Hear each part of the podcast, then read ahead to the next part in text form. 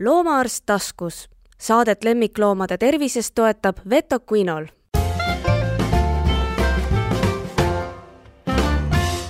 tervist! kätte on jõudnud kevad. meie sügisel alustanud podcast Loomaarst taskus on jõudnud äh, siis oma järgmise saateni ja täna on mul külas Katrin Juurak. Katrin on väga mitmes rollis, istub siin minu ees kõigepealt esimene roll, miks ma teda väga kutsuda tahtsin, oli see, et ta on koerakasvataja. sul on spanjalid, ütle see pikk nimi. nii inglise Springer spanjalid kui Klumber spanjalid. nii, et temal on kodus spanjalid, üks just poegib praegu kodus ja.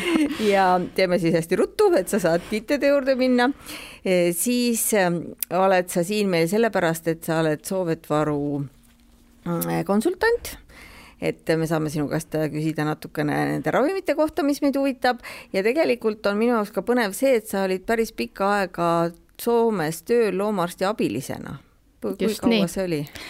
Äh, otseselt abilisena tööl olin neli aastat koos õpingutega, siis tuleb natuke ja. pikemalt. et siis on sul natuke võrdlusmomenti ka, et mis toimub Eestis ja mis toimub Soomes ja siis oli sul veel mingi laboriteema, aga seda sa pead nüüd ise rääkima jah, kui tehes seal abilise pabereid, äh, siis sai ka juurde teha erinevaid astmeid, nii labor, labori teine aste kui ka opisaali abilise aste, et ma tegin just äh, labori astme juurde endale kõrgemaks okei okay,, väga hea, ma hakkan sind siis igasuguste küsimustega nüüd kohe piinama.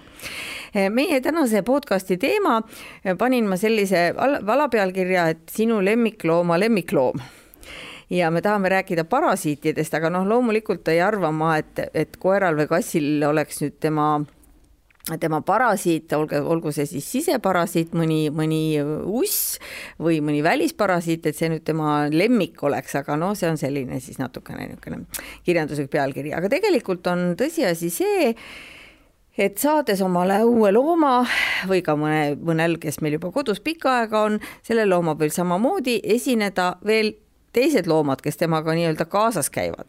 Ja need kaasas käivad loomad ei ole tegelikult üldse mitte toredad ja täna me siis räägiksime siseparasiitidest.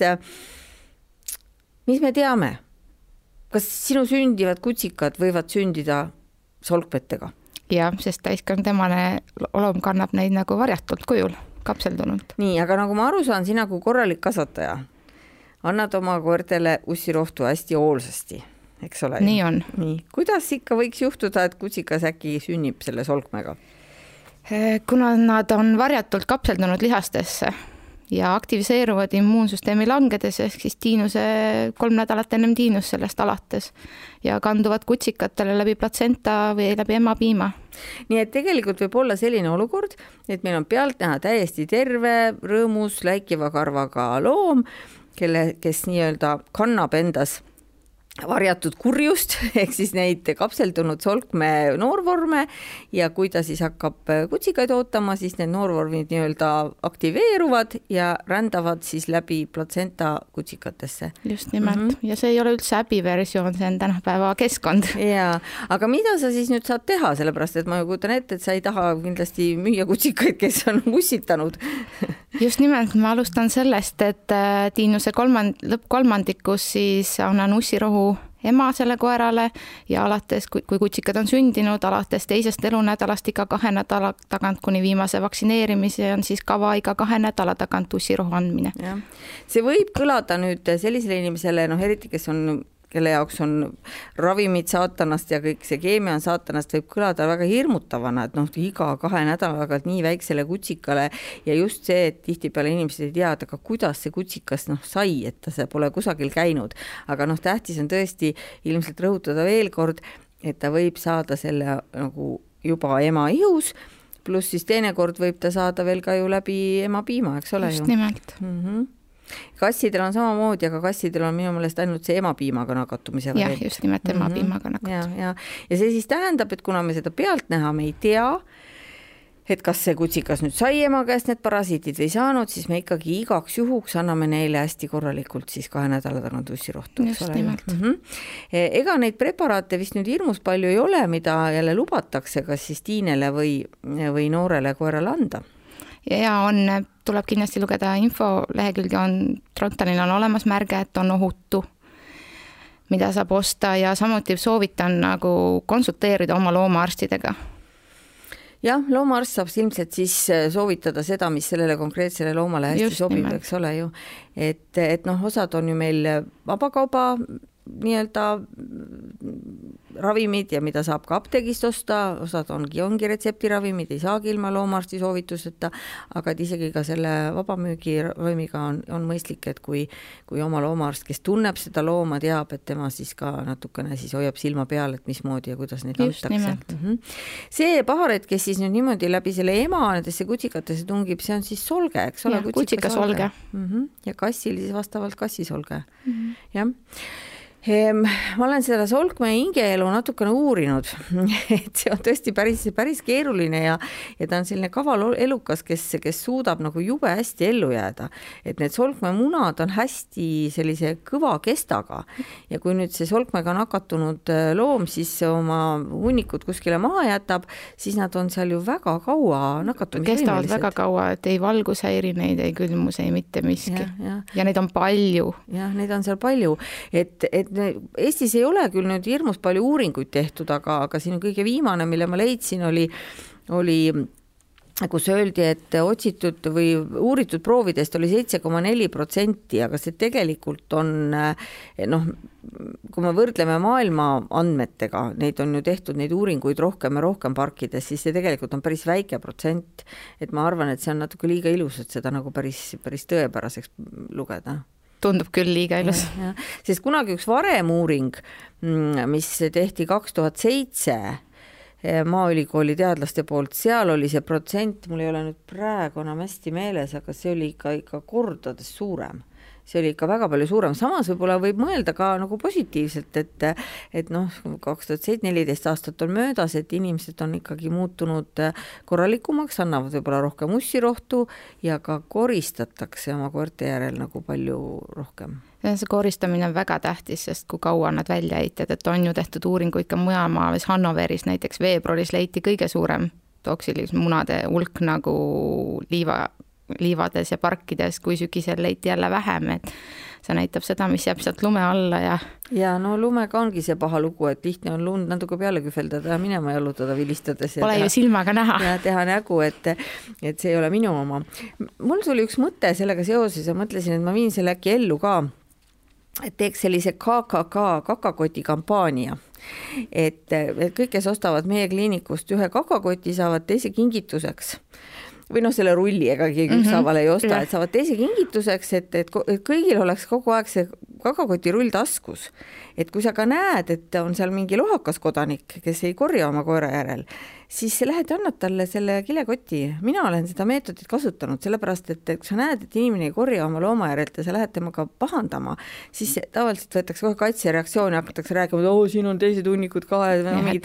aga kui sa lähed pahajamatult, mul, mul on see nii meeles, see kord ma võtsin selle koti, ütlesin oi, ma näen, et te olete oma kakakoti maha unustanud ja no inimene siis ju ei ütle sulle, et ei unustanud, et ma põhimõtteliselt ei korja, võttis vastu ja korjas ära, nii et ma kutsun kõiki üles, et kui näete, et kodanik ei korja oma koera jälle, siis minge ulatage talle lahkelt kakakotti ja las korjavad. see on jah hästi oluline just seal taasnakatumise osas, et sa võid ju oma koerale anda ussirohtu ja teha ja siis on sul keegi, kes jätab neid mune kogu aeg sinna keskkonda ja on taasnakutamise ost, et see on nagu väga-väga hea ja oma hoovides ka tuleks ikkagi koristada hoolimata, kas ta teeb ühte kohta või teise kohta. seal on muidugi, see on keeruline, mille kohta ma ei ole tegelikult päriselt vastust saanud, et aga mis sa siis selle oma hoovi selle kakaga teed? Eh, olenevalt maakonnast siis, et kuidas see prügi konteinerid mm -hmm. lähevad, et äh, minu lahendus on meil kodus nii kilekotti, suletud kilekotti ja ühisprügikasti, et läheb põletamisesse mm. -hmm et kindlasti mitte kasutada taimede kompostiks. jah, et see on ju jälle, jälle järgmine koht, kus ta võiks ju edasi ja, minna. sest me sööme siis need sisse neid asju. jah, et see on mõistlik tõesti, et, et ta, kui ta läheks nagu põletamisse igal juhul, eks ehm,. solge ei ole nüüd ka ju ainult päris looma probleem et seal tuleb ka inimfaktor ja noh, kui me jälle mõtleme, et kui need, mm, kui need koerad või kassid saavad nii-öelda takistamatult jätta oma märgid maha laste liivakastidesse, siis see on ka ju päris ohtlik asi. jah, et tuleks nagu eri, kui on ikkagi väike laps ja no üldse lapsed on altid nagu ja pinnasega kokku puutuvad, siis noh, kasvõi oma hoovist tuleks iga päev suht samal ajal oleks ideaalne nagu korjata ära ja koristada ja kilekotti prügi, prügikasti või kuhu, et ka plastikasjadega korjamisel tuleb olla ettevaatlik, sest nagu solkmemuna kinnitab väga hästi plastikasjade külge mm. -hmm. et neid tuleks siis puhastada, aga just ongi see, et nad on ikkagi soonoosid ja põhjustavad ja lastel ikkagi nagu kapseldudes eri kohtadesse ja ka täiskasvanutuna erinevaid haigusi sõltuvalt kuhu ja kui ohtlikku kohta. ja ma kunagi aastaid tagasi pidin ühte loengut kirjutama ja siis ma hakkasin uurima, õnneks Eestis tol hetkel oli üks registreeritud juhtum kus laps oli saanud siis solkmega kokkupuutumised, siis nagu see silmavormi, et see kapsel tekkis silma. et noh, sellest on nüüd aastaid tagasi, võib-olla on mõni veel, aga noh, tundub, et seda meil siiski väga ei ole. ma tean, Soome andmed olid umbes samal ajal mingi seitse või viis juhtumit, mis on ka loogiline, et noh, meil ongi rahvaarvu vahe ongi umbes selline aga kuskil lõunamaades, no kus need lapsed ja Ameerikas just ja, oli ja. vist, öeldakse, et seitsekümmend inimest võib pimestuda. Jaa, Ameerikas oli tõesti jah, see oli suur arv, kes olid saanud no, selle rahvaarv on suus, suur, aga just larv silmas seitsekümmend inimest pimedaks sellest, see on päris palju ikka ikkagi nagu, et seda saab ju ära hoida. seda saab ära hoida oma korraliku hügieeniga. hügieeniga ja, ja loomade korrapärase. aga muidugi lõunamaade kohta olid seal palju artikleid, sest no seal, kus on need kusagil need lapsed ja koerad ja kassid kõik ühes rentslis koos, seal ilmselt on ka neid laste nakatumisi oluliselt rohkem. rohkem just. nii et noh, et see Eesti number mind selles mõttes lohutas, et noh, ei taha nagu inimesi ka hirmutada, et sa hakkavad kohutavalt oma lemmikloomi kartma et seda ei ole vaja, aga ma arvan, see elementaarne hügieen, et me koristame nende järel, et me peseme ise käsi, et me lastele õpetame, et tuleb pesta käsi, koera sealt Pepu poolt nii väga näppima ei ole mõtet minna mm -hmm.. noh, seal on muidugi hea uudis on nende, nende see munade puhul see, et nad ei ole kohe nakatumisvõimelised.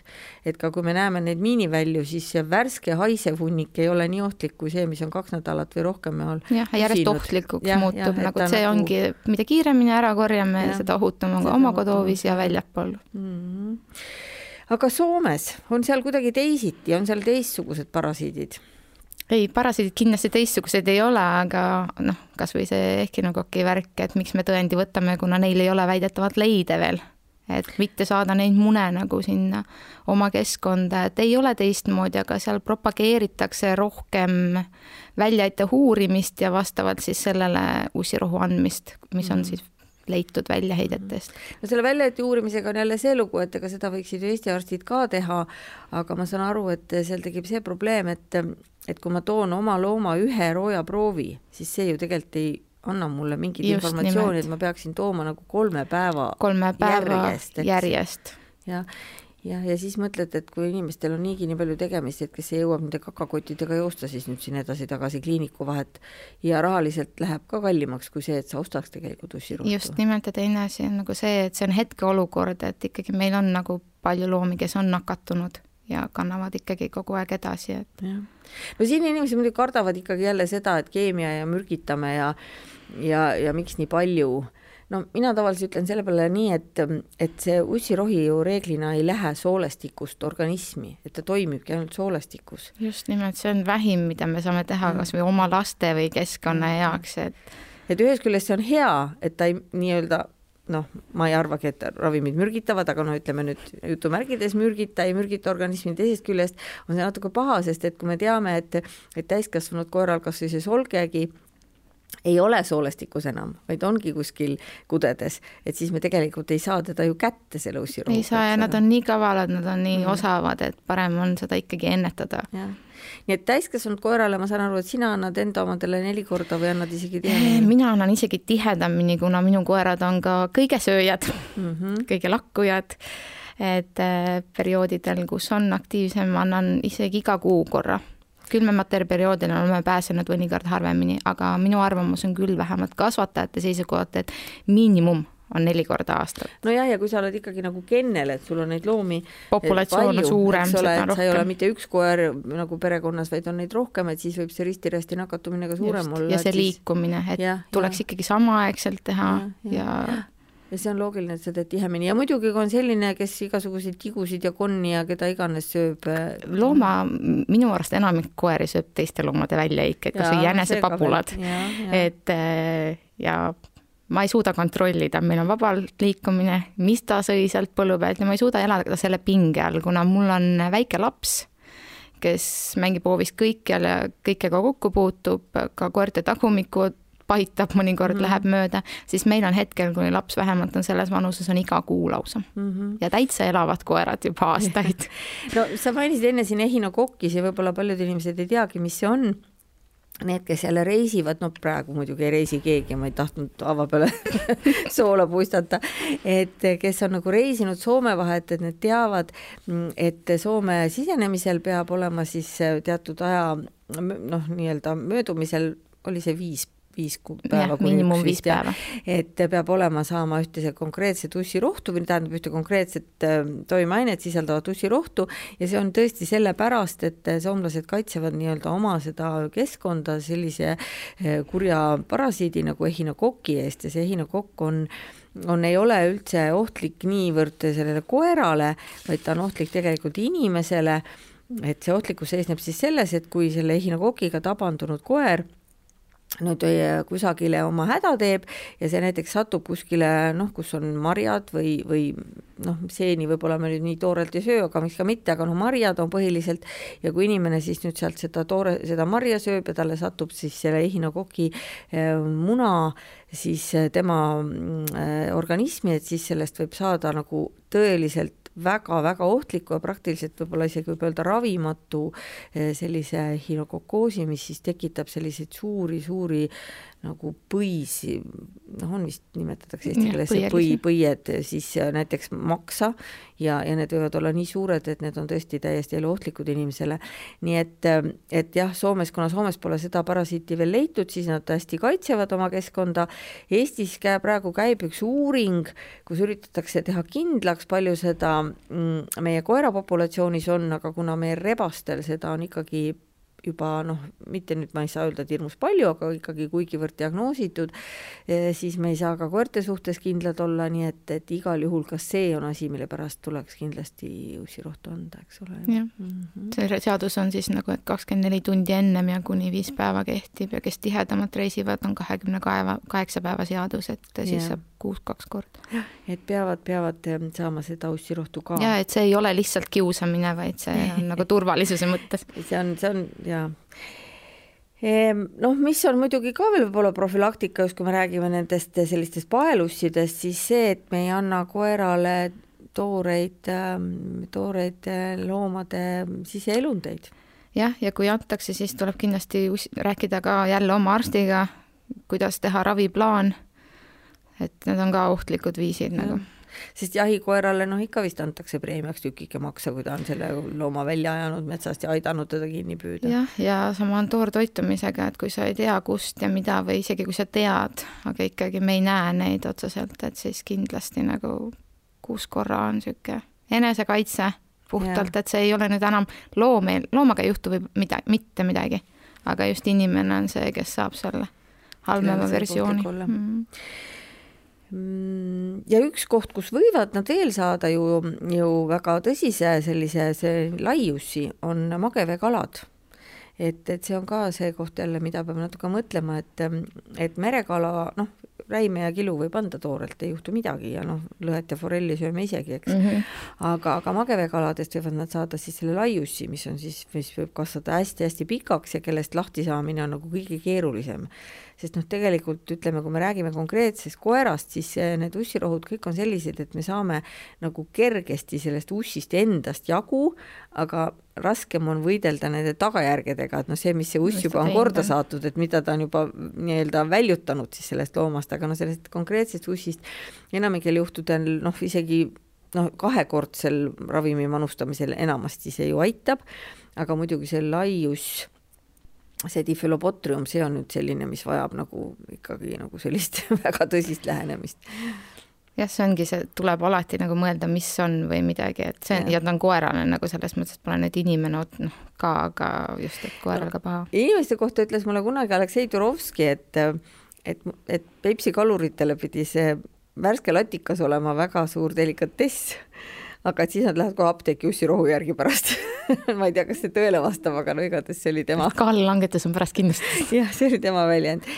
nii et ärme siis anna jah, toorest mageveekala ja, ja, ja, ja noh, ja ka kõik need igasuguste tigude ja konnade ja, ja väikenäriliste söömised, noh, me ei saa oma koera kontrollida ja see oleks jälle nagu koera suhtes ebaõiglane. jah, ja kas me ka peaksime, nad on koerad. ja nad on koerad, nad tahavad nuusutada ja nad tahavad ka teise koera hunnikut nuusutada, et kui me kogu aeg ainult neil mingisuguse pitsaga järel käime, siis on see stress. see ei ole enam nauditav kellelegi. ei, see on stress on koerale ja meile, aga et siis on tõesti see, et, et me peame sellega arvestama, et sealt võib siis ka mingisugune parasiit kaasa tulla mul oli üks teema, millest ma vaatan, me jõuame veel natuke rääkida, et, ähm, et ähm, tihtipeale kutsikad ja kassipojad köhivad ja siis äh, loomaarstide soovitus on kõigepealt, noh, kui ta on muidu selline suhteliselt okei okay oma seisundist, et noh, et me kopsupõletikku ei kahtlusta, et siis anname ussirohtu ja no ütleme praktiliselt üheksakümmend üheksa protsenti selle peale lõpetab, lõpetab köha.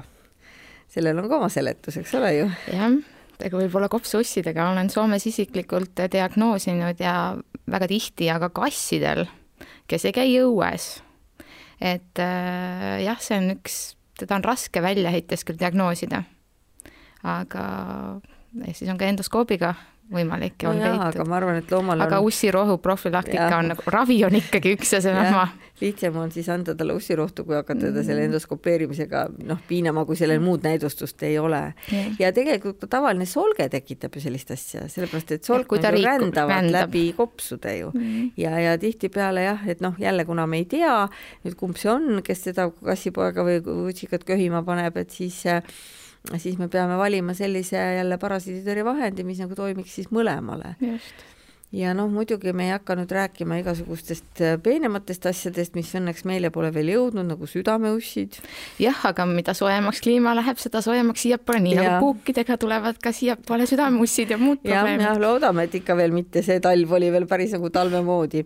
ja talv muidugi ka, et noh, tõesti talvel on lume all, ei näe, aga nüüd praegu lumi on vist praktiliselt igal pool ära sulanud, võib-olla Lõuna-Eestis veel on natuke midagi et jah, kahju, et seal ei ole nagu seda autogrammi allkirja juures, et see on selle koera oma ja koera omanik on see ja see, kes on süüdi ja pole ära korjanud, et, et tõesti tulge, ostke kakakotte, ostke, ostke natuke rohkem, jagage ka lohakatele koeraomanikele ja katsume hoida Eestimaa puhta ja katsume siis ka ussirohtudega niimoodi toimetada et need kaitseksid meie loomi, ülemäära pole vaja anda, aga, aga kindlasti oma loomaarstiga kokkuleppes eh, saate selle optimaalse variandi, et millal ja kuidas. aga Katrin, sind ma siis lasen koju kutsikate juurde ja siis sul juba esimene ussirohu andmine on kahe nädala pärast siis just jah? nimelt Nonii, ja tänan kutsumast. tore, aitäh, et tulid.